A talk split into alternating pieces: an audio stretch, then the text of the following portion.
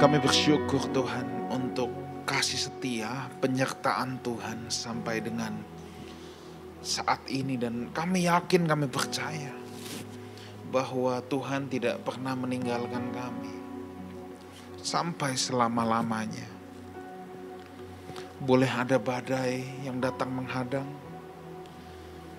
tapi kami tahu satu hal, siapa yang menyertai kami, siapa yang bersama dengan kami. Terima kasih Bapa. Pada pagi hari ini sekalipun secara online kami tetap mau dengar-dengaran dengan Tuhan, kami mau fokus, kami mau duduk diam untuk mendengarkan apa yang menjadi isi hati Tuhan di tengah-tengah kami. Terima kasih. Kami buka hati kami, kami buka pikiran kami untuk menyambut kebenaran firman-Mu. Dalam nama Tuhan Yesus kami berdoa, kami mengucap syukur. Amin. Thank you Present Worship Team. Saya percaya kita semua diberkati Tuhan, saudaraku, sekalipun kita belum dapat ibadah tatap muka, tapi saya percaya buka hati saudara, fokus, jangan terdistrak ya. Sekalipun ada di rumah masing-masing, tapi saya percaya Tuhan tetap bisa melawat saudara semua. Tuhan melawat kita semua sebab dia Tuhan yang maha hadir persiapkan hati kita untuk mendengar kebenaran firman Tuhan. Dan pagi hari ini kita akan dilayani oleh Pastor Debbie Basir. Silakan Bu.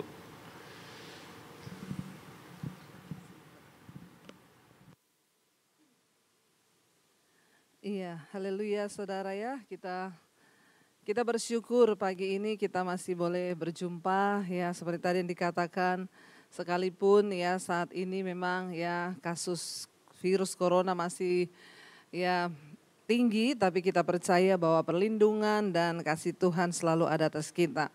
Iya, bulan ini, bulan Februari dan besok kita semua bahkan seluruh dunia merayakan hari Valentine, saudara. Hari kasih sayang. Ya, karena itu tema dari gereja ini mengangkat bahwa bagaimana kita harus hidup membagikan kasih Tuhan dalam hidup kita. Saudara, hari-hari ini dunia menawarkan banyak kasih yang palsu, ya, kasih yang tidak uh, sejati karena kita percaya bahwa hanya kasih Tuhanlah yang sejati. Dan memang setiap manusia itu diciptakan serupa dan segambar dengan Allah. Kita tahu bersama firman Tuhan berkata Allah itu kasih. Dan kita diciptakan serupa dan segambar dengan Allah artinya memang kita ini juga adalah kasih seperti Tuhan itu sendiri. Ya tetapi akibat dosa akhirnya kasih itu berubah ya bahkan tercemar dan akhirnya orang salah di dalam menerjemahkan tentang kasih. Bahkan kita lihat bersama saudara sangat menyedihkan ya. Di hari Valentine saya membaca banyak anak-anak muda yang merelakan keperawanannya karena dia ingin menunjukkan bukti kasihnya kepada pacarnya atau pasangannya. Tapi kita tahu bersama ini adalah salah iblis meniru ya apa yang dari Tuhan. Tetapi kita sebagai orang percaya harus benar-benar tahu mana yang benar dari Tuhan dan mana yang palsu.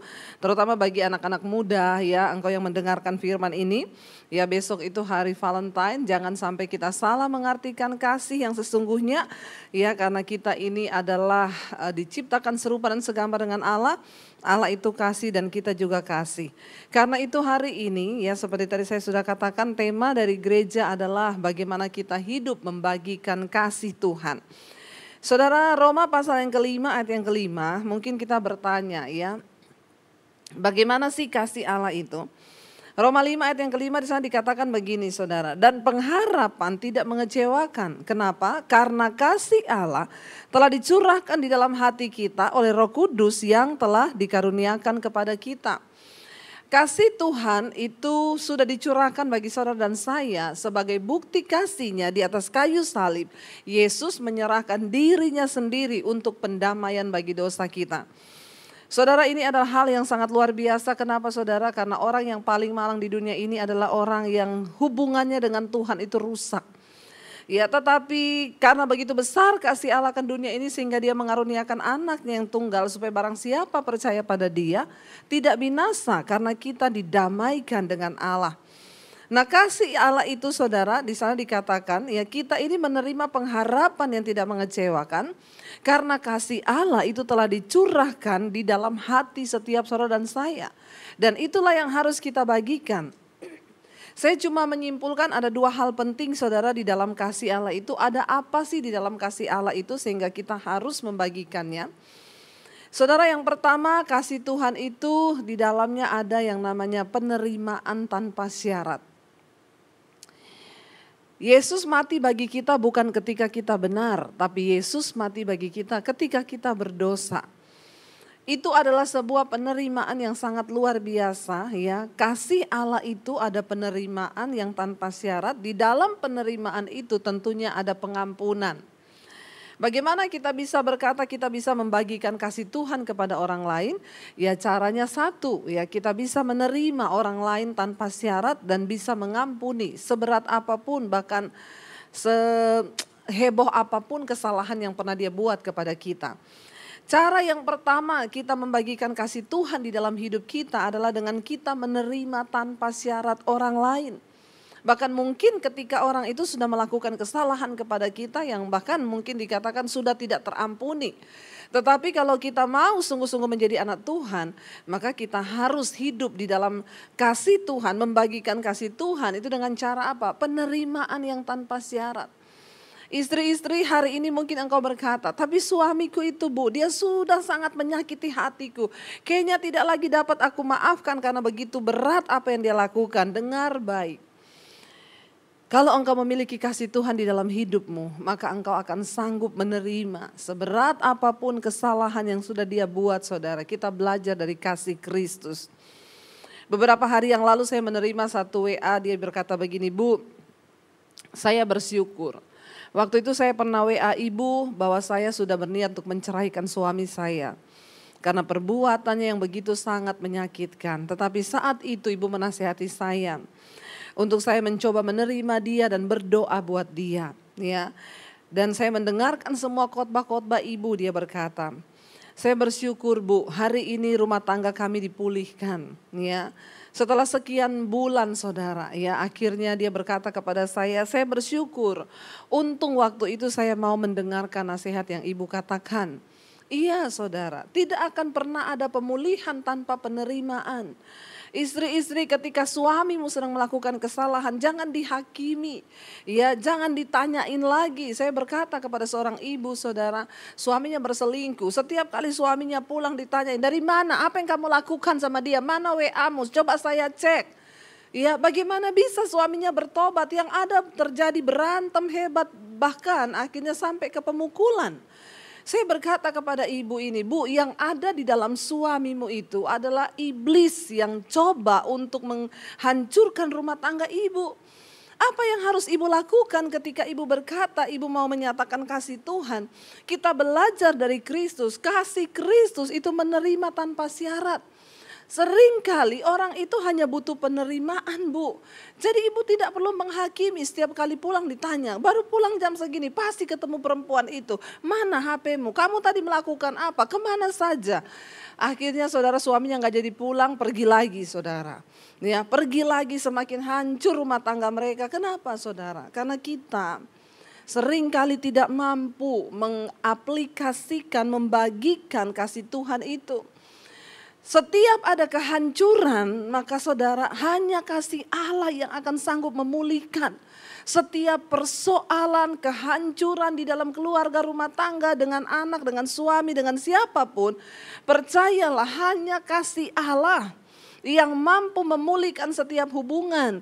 Dan bagaimana kita bisa membagikan kasih Allah itu kepada orang yang di sekeliling kita, suami yang bermasalah, anak yang bermasalah. Yang pertama, kasih Tuhan itu adalah penerimaan yang secara utuh tanpa syarat. Tuhan tidak berkata begini, ya, aku akan mati bagi kamu asal kamu baik dulu. Ya, asal kamu benar dulu. Enggak, dia mati ketika kita sedang berdosa. Itu artinya apa? Kasih Allah itu kasih yang menerima tanpa syarat dan hari-hari ini itu yang dunia sedang butuhkan saudara. Ketika anakmu memberontak mungkin, saya mendengar kemarin ada seorang anak yang dia lari dari rumah orang tuanya. Waktu dia lari dari rumah orang tuanya, orang tuanya broadcast ke semua teman-temannya, diceritakan tentang aib anak ini. Nanti kalau dia datang ke rumahmu kamu jangan buka pintu karena anak ini begini begini hidupnya begini dia jatuh dengan ini dia melakukan ini saudara. Saya berkata ya saudara ini sebenarnya satu tindakan yang salah. Kenapa? Karena dengan penghakiman orang tidak akan mungkin datang dan hubungan itu tidak mungkin akan dipulihkan. Cuma kasih Tuhan penerimaan yang tanpa syarat. Ya, orang tua saya mau berkata hari ini, kalau anak-anakmu memberontak, jangan engkau hakimi. Terima mereka, saudara. Kadang-kadang hanya penerimaan tanpa syarat yang akan membuat orang itu bisa bertobat. Ya, bagaimana cara membagikan kasih Kristus? Mari kita praktekkan. Terima tanpa syarat. Ya, penerimaan yang tanpa syarat di dalam kasih Tuhan itu ada pengampunan. Ya kita tidak mungkin bisa mengampuni orang kalau kita nggak bisa menerima dia tanpa syarat terlebih dahulu. Itulah kasih Tuhan. Yang kedua di dalam kasih Allah itu ada apa saudara? Ada pengharapan. Ya Roma pasal 5 ini berkata dan pengharapan tidak mengecewakan karena apa? Kasih Allah itu telah dicurahkan di dalam hati kita oleh roh kudus yang dikaruniakannya kepada kita. Ini yang dunia sedang butuhkan hari-hari ini. Kenapa gereja di tempat ini mengangkat tema membagikan kasih Allah kepada orang di sekeliling kita? Karena dunia sedang membutuhkan dua hal terpenting ini dan itu hanya ada di dalam kasih Tuhan. Yang pertama, penerimaan tanpa syarat. Yang kedua, pengharapan saudara. Dunia sedang mencari pengharapan hari-hari ini di tengah gejolak, di tengah gelombang, di tengah ya goncangan yang begitu hebat semua orang sedang mencari, berjalan kepada satu hal yang mereka cari hari-hari ini adalah pengharapan. Kita bersyukur ya Tuhan datang dalam hidup kita. Kasih Allah dicurahkan dalam hidup kita untuk memberi apa? Pengharapan bahwa hidupmu belum hancur, bahwa engkau belum terlalu kotor, bahwa engkau belum terlalu rusak dan Tuhan masih sanggup untuk memberikan engkau pengharapan dan engkau bisa bangkit melihat masa depan yang penuh harapan itu. Itu kasih Tuhan. Di dalam kasih Tuhan ada pengharapan saudara. Kenapa sering kali banyak orang bunuh diri? Sebenarnya bukan karena dia tidak melihat doa atau harap harapannya itu tidak dijawab atau tidak dia melihat kenyataan terjadi seperti yang dia harapkan. Kenapa orang bisa bunuh diri saudara? Karena dia tidak memiliki pengharapan itu sendiri. Ya, bukan karena pengharapannya tidak menjadi kenyataan, tetapi dia sudah hidup tanpa pengharapan. Saudara, orang akan menjadi kuat ketika dia hidup dalam keadaan apa pun, tapi masih ada pengharapan. Itu yang akan membuat dia bangkit ketika masih ada pengharapan bahwa dia akan melihat sesuatu yang lebih baik.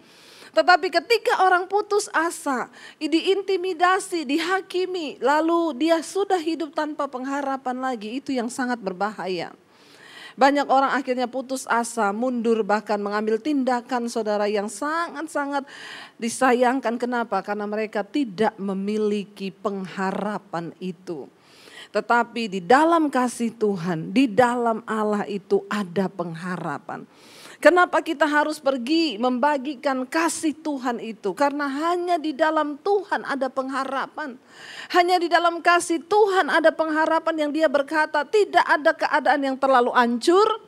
Enggak ada terlalu keadaan yang terlalu rusak untuk tidak dapat dipulihkan. Sebab apa? Pengharapan di dalam Tuhan itu tidak pernah mengecewakan. Itulah kasih Tuhan. Yang pertama saudara, ada penerimaan dan pengampunan yang tanpa syarat. Yang kedua, orang yang membagikan kasih Allah itu dia sedang membawa pengharapan kepada kehidupan orang lain. Saudara di tengah masa pandemi ini mari kita melihat keadaan di sekeliling kita. Ada begitu banyak orang yang sedang rapuh. Inilah saatnya yang Alkitab berkata tuayan sedang menguning. Kalau kita mau buka mata dan kita mau peka dengan pekerjaan Tuhan, maka kita akan tahu bahwa hari-hari inilah hari tuayan itu menguning. Saya bersyukur saudara, lewat pelayanan saya di YouTube saya dengan mesbah doa. Saya mendengar ada begitu banyak kesaksian orang-orang yang mulai mengalami pemulihan. Kenapa? Karena mereka mendengar tentang kasih Tuhan.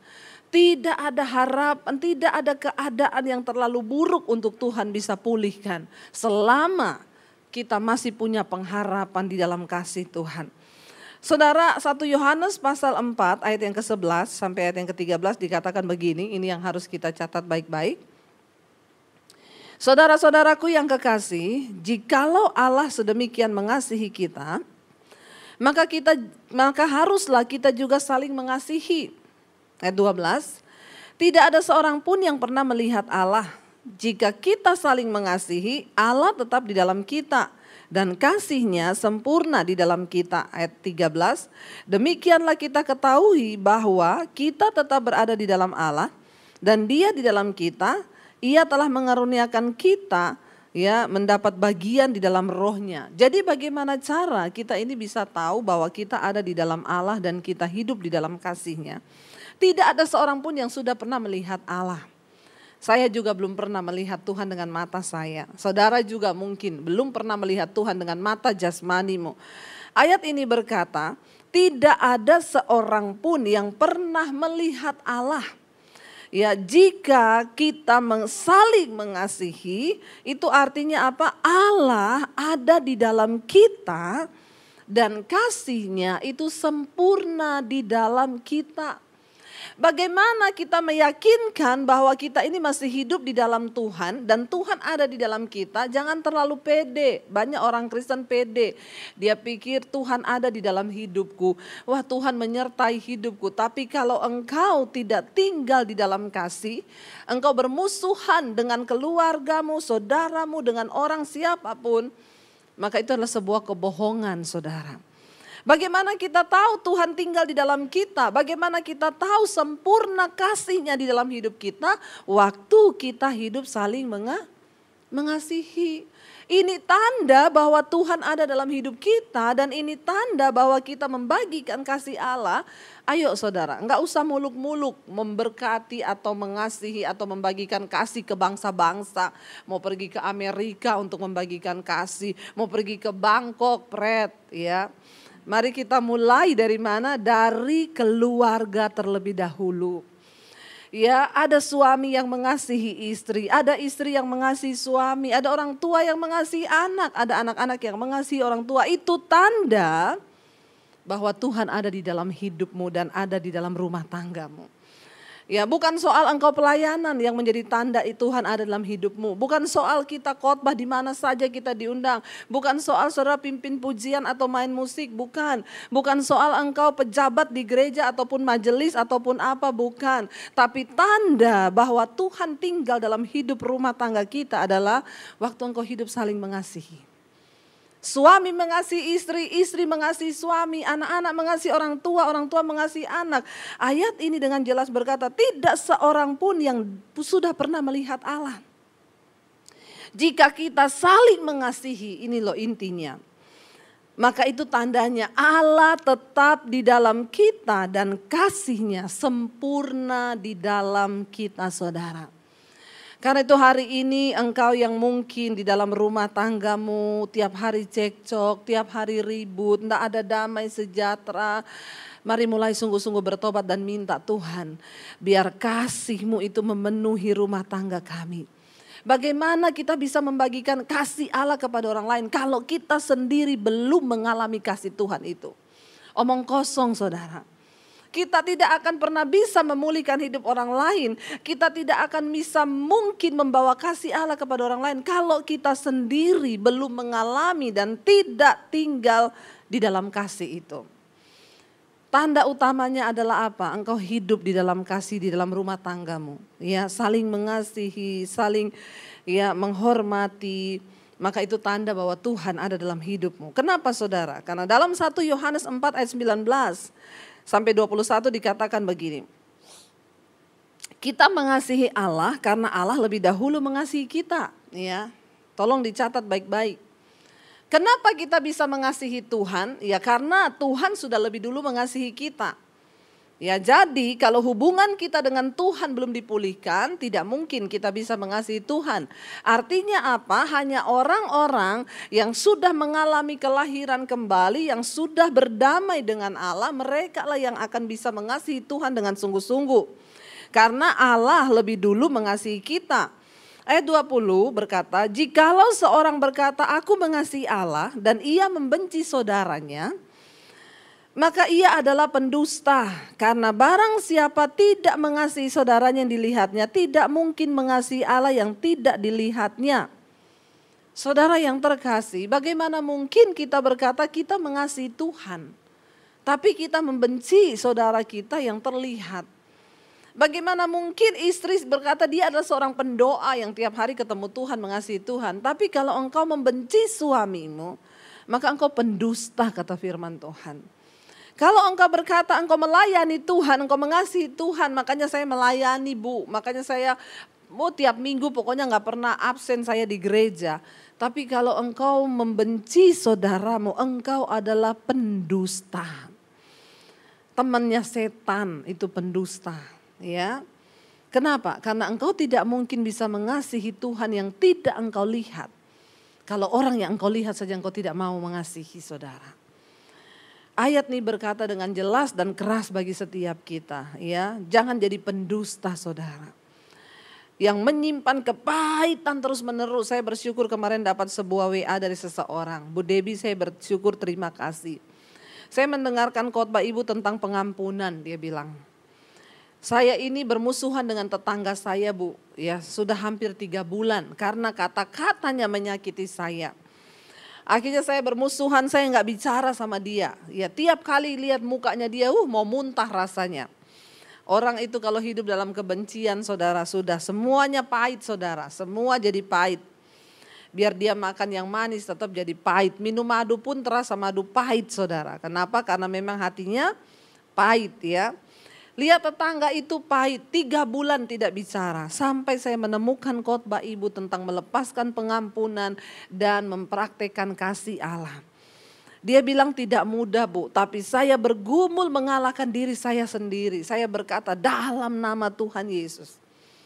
Aku patahkan segala roh-roh kepahitan, kekecewaan, aku lepaskan pengampunan. Dia terus bergumul dengan dirinya, dia berperang dengan dirinya saudara. Lalu akhirnya dia dibebaskan dari kepahitan itu ya dan akhirnya dia keluar rumah ketemu dengan tetangganya dia bilang langsung saya tawari mau makanan enggak? Kenapa orang bisa diubahkan? Cuma karena ketika engkau mau minta kasih Tuhan tercurah atas hidupmu. Hanya kasih Tuhan yang sanggup mengubah yang pahit menjadi manis saudara. Di dalam hidup ini kita akan diizinkan mengalami dan berjumpa dengan orang-orang yang akan bikin hati kita pahit tapi waktu engkau tinggal di dalam Tuhan, waktu engkau penuh dengan kasih Tuhan, maka tidak ada satupun yang pahit saudara dalam hidupmu. Engkau akan tahu bahwa yang pahit itu pun Tuhan sanggup ubah menjadi sesuatu yang manis bagi hidupmu. Di sini dikatakan jangan jadi pendusta. Engkau berkata engkau mengasihi Tuhan. Setiap minggu engkau pelayanan. Tapi kalau masih ada musuh di dalam hatimu yang engkau tidak bisa lepaskan pengampunan, maka engkau itu pendusta di hadapan Tuhan. Bagaimana engkau mengasihi Allah yang engkau tidak lihat? Kalau kepada manusia engkau lihat saja engkau tidak bisa mengampuni saudara. Ya di dalam 1 Petrus pasal yang kedua 1 Petrus 1 ayat yang ke-22 di sana dikatakan begini saudara. Ya, karena kamu telah menyucikan dirimu oleh ketaatan kepada kebenaran sehingga kamu dapat mengamalkan kasih persaudaraan yang tulus ikhlas Hendaklah kamu bersungguh-sungguh saling mengasihi dengan segenap hatimu. Ayat 23. Karena kamu telah dilahirkan kembali bukan dari benih yang fana, tetapi dari benih yang tidak fana oleh firman Allah yang hidup dan yang kekal. Ayat ini berkata kita tidak mungkin bisa mengamalkan kasih Tuhan kepada saudara-saudara kita kalau kita tidak dilahirkan kembali dulu dari benih ya yang kekal itu, ya. Bagaimana kita bisa sungguh-sungguh mempraktekkan kasih yang tulus ikhlas itu dikatakan, ya. Hendaklah kamu bersungguh-sungguh saling mengasihi dengan segenap hatimu. Ya, dikatakan di sana kamu harus mengamalkan kasih persaudaraan yang tulus ikhlas Ya, dan kamu harus sungguh-sungguh saling mengasihi dengan segenap hatimu. Karena apa? Karena kamu telah dilahirkan kembali bukan dari benih yang fana, tetapi dari benih yang tidak fana, yaitu oleh firman Allah yang hidup dan yang kekal. kita tidak akan pernah mampu mengamalkan kasih persaudaraan yang tulus ikhlas. Sementara dunia ini sekarang banyak kemunafikan saudara. Di depan orang bisa tersenyum padahal di belakang saudara, hmm ya. Tapi Tuhan menuntut kita untuk mempraktekkan kasih yang tulus ikhlas. Jangan mengharapkan ganti. Ya, makanya saya selalu berkata, di dalam rumah tangga pun jangan pernah membangun rumah tanggamu itu berdasarkan cinta ya. Cinta itu mungkin hanya sampai 2 3 tahun udah hilang Saudara. Makanya di atas lima tahun tidak jangan lagi membangun pernikahan di atas dasar cinta tetapi kasih. Kenapa? Cinta itu cenderung menuntut. Waktu yang dituntut sudah habis, maka cinta juga luntur. Tapi kasih itu cenderung memberi dan berkorban. Jadi kasih itu tidak menuntut ketika pun dalam rumah tangga kita menjalani rumah tangga kita rasanya berat ya tetapi kalau kita menaruh dasar kasih dalam rumah tangga kita itulah yang benar. Ya kalau cinta itu ya itu sebelum pernikahan foto-foto pretwet ya di atas batu karang, satu di laut, satu di air, wuh, satu di batu. Waktu ada gelombang, tarik-tarikan, pret, wet. Begitu masuk lima tahun ke atas pernikahan, ada gelombang malah dijorokin saudara. ya, makanya saudara saya berkata ya, saya bersyukur sama suami 21 tahun pernikahan. Setiap ngangkat foto berdua saya tulis after wet. Itu yang benar Kenapa? Karena kami membangun rumah tangga di atas dasar kasih. Kasih itu akan memudahkan kita menerima kekurangan masing-masing. Kasihlah yang akan membuat kita mengerti bahwa kita ini saling memperlengkapi. Tapi cinta itu menuntut. Ya kalau sudah nggak ada yang dituntut, wah sudah saudara. Ya bulan madu, waktu madunya habis ya tinggal lebahnya saudara. Ya lebahnya lebah hutan lagi. Kalau nyengat itu benar-benar bentol-bentol semuanya. Tapi mari saudara ya bulan ini kita merayakan bulan kasih ya dan bukan secara kebetulan. Kita juga harus sungguh-sungguh membagikan kasih Allah itu kepada orang di sekeliling kita dan juga di dalam hidup kita. Tapi nomor satu, kita dulu harus mengalami kasih Tuhan itu, baru kita bisa membagikannya kepada orang lain. Mari kita akan merenungkan firman ini. Saya undang para imam musik, mungkin bisa maju ke depan. Saya percaya saudara, hanya kasih Tuhan yang tanpa syarat yang dapat memampukan setiap kita untuk dapat melihat ke depan bahwa tidak ada yang terlalu sulit tidak ada keadaan yang terlalu hancur, bahkan tidak ada hidup yang terlalu buruk untuk kami bangkit kembali di dalam pengharapan. Karena pengharapan kami di dalam Kristus itu tidak pernah mengecewakan. Kami mengucap syukur untuk kasih Tuhan di dalam hidup kami. Terima kasih Bapa untuk penerimaanmu yang begitu luar biasa. Terima kasih buat setiap hal yang terbaik yang Tuhan lakukan di dalam hidup kami. Terima kasih buat pengampunan yang terbesar yang sudah Tuhan curahkan bagi hidup kami. Biar anugerahmu turun di dalam hidup kami Tuhan hari ini. Biar kasihmu mengalir bagi setiap kami hari ini. Kasih itu yang membuat kami mengerti bahwa engkau menerima kami tanpa syarat. Tidak ada rumah tangga yang terlalu hancur untuk tidak dapat dipulihkan Tuhan. Selama ada kasih Tuhan di dalam hidup kami. Karena itu kami datang di hadapan hadirat hari ini Tuhan. Kami berdoa biar kasih Tuhan tercurah dalam hidup kami. Kasih Tuhan tercurah dalam rumah tangga kami kami rindukan Tuhan ada pemulihan demi pemulihan yang terjadi. Terima kasih Bapa. Kami bersyukur. Mari bawa syukurmu pada Tuhan saudara. Hampiri tahta kasih Tuhan. Terima kasih. Terima kasih.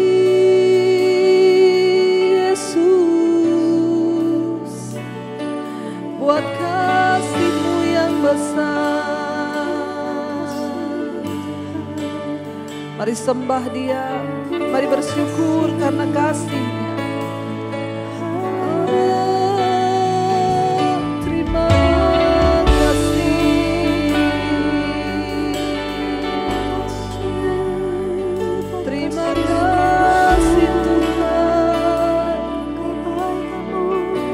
Angkat imanmu hari ini saudara. Katakan tidak ada yang terlalu sulit Tuhan. Tidak ada yang terlalu hancur untuk tidak dapat dipulihkan Tuhan. Tidak ada yang terlalu rusak Bapa. Ada pengharapan di dalam kasih Tuhan. Karena kasih Allah telah dicurahkan di dalam hati dan hidup kami. Terima kasih.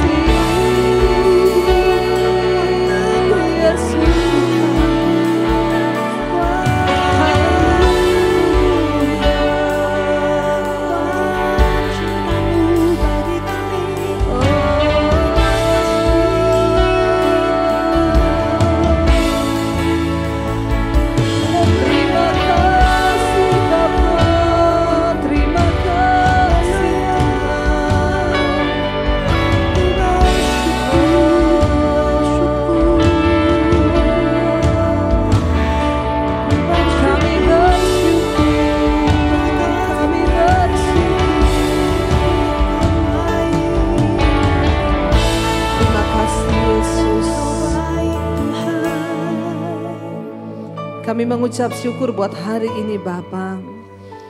Kasih-Mu melimpah dalam hidup kami. Hingga kasih itu kami bagikan. Dari dalam rumah tangga kami terlebih dahulu. Baru kami akan membagikan kasih itu kepada orang yang ada di luar sana. Kami tidak ingin menjadi pendusta Tuhan. Kami ingin memulai dengan mengasihi Tuhan yang tidak terlihat. Dan mengasihi orang-orang di depan kami yang terlihat. Berkati umatmu, gerejamu Tuhan. Biarlah gerejamu ini terus menjadi berkat di mana saja Tuhan. Lewat tayangan online, lewat tayangan di mana saja, bahkan lewat pelayanan di tempat ini. Ada penjangkauan jiwa-jiwa yang terluka dipulihkan. Karena ada kasih Tuhan di tempat ini. Terima kasih Bapak, kami mengucap syukur buat kebenaran firman-Mu yang memerdekakan, memulihkan setiap kami. Di dalam nama Tuhan Yesus, materaikan setiap firman ini, kami berdoa dan mengucap syukur. Mari sama-sama katakan, amin, amin, amin.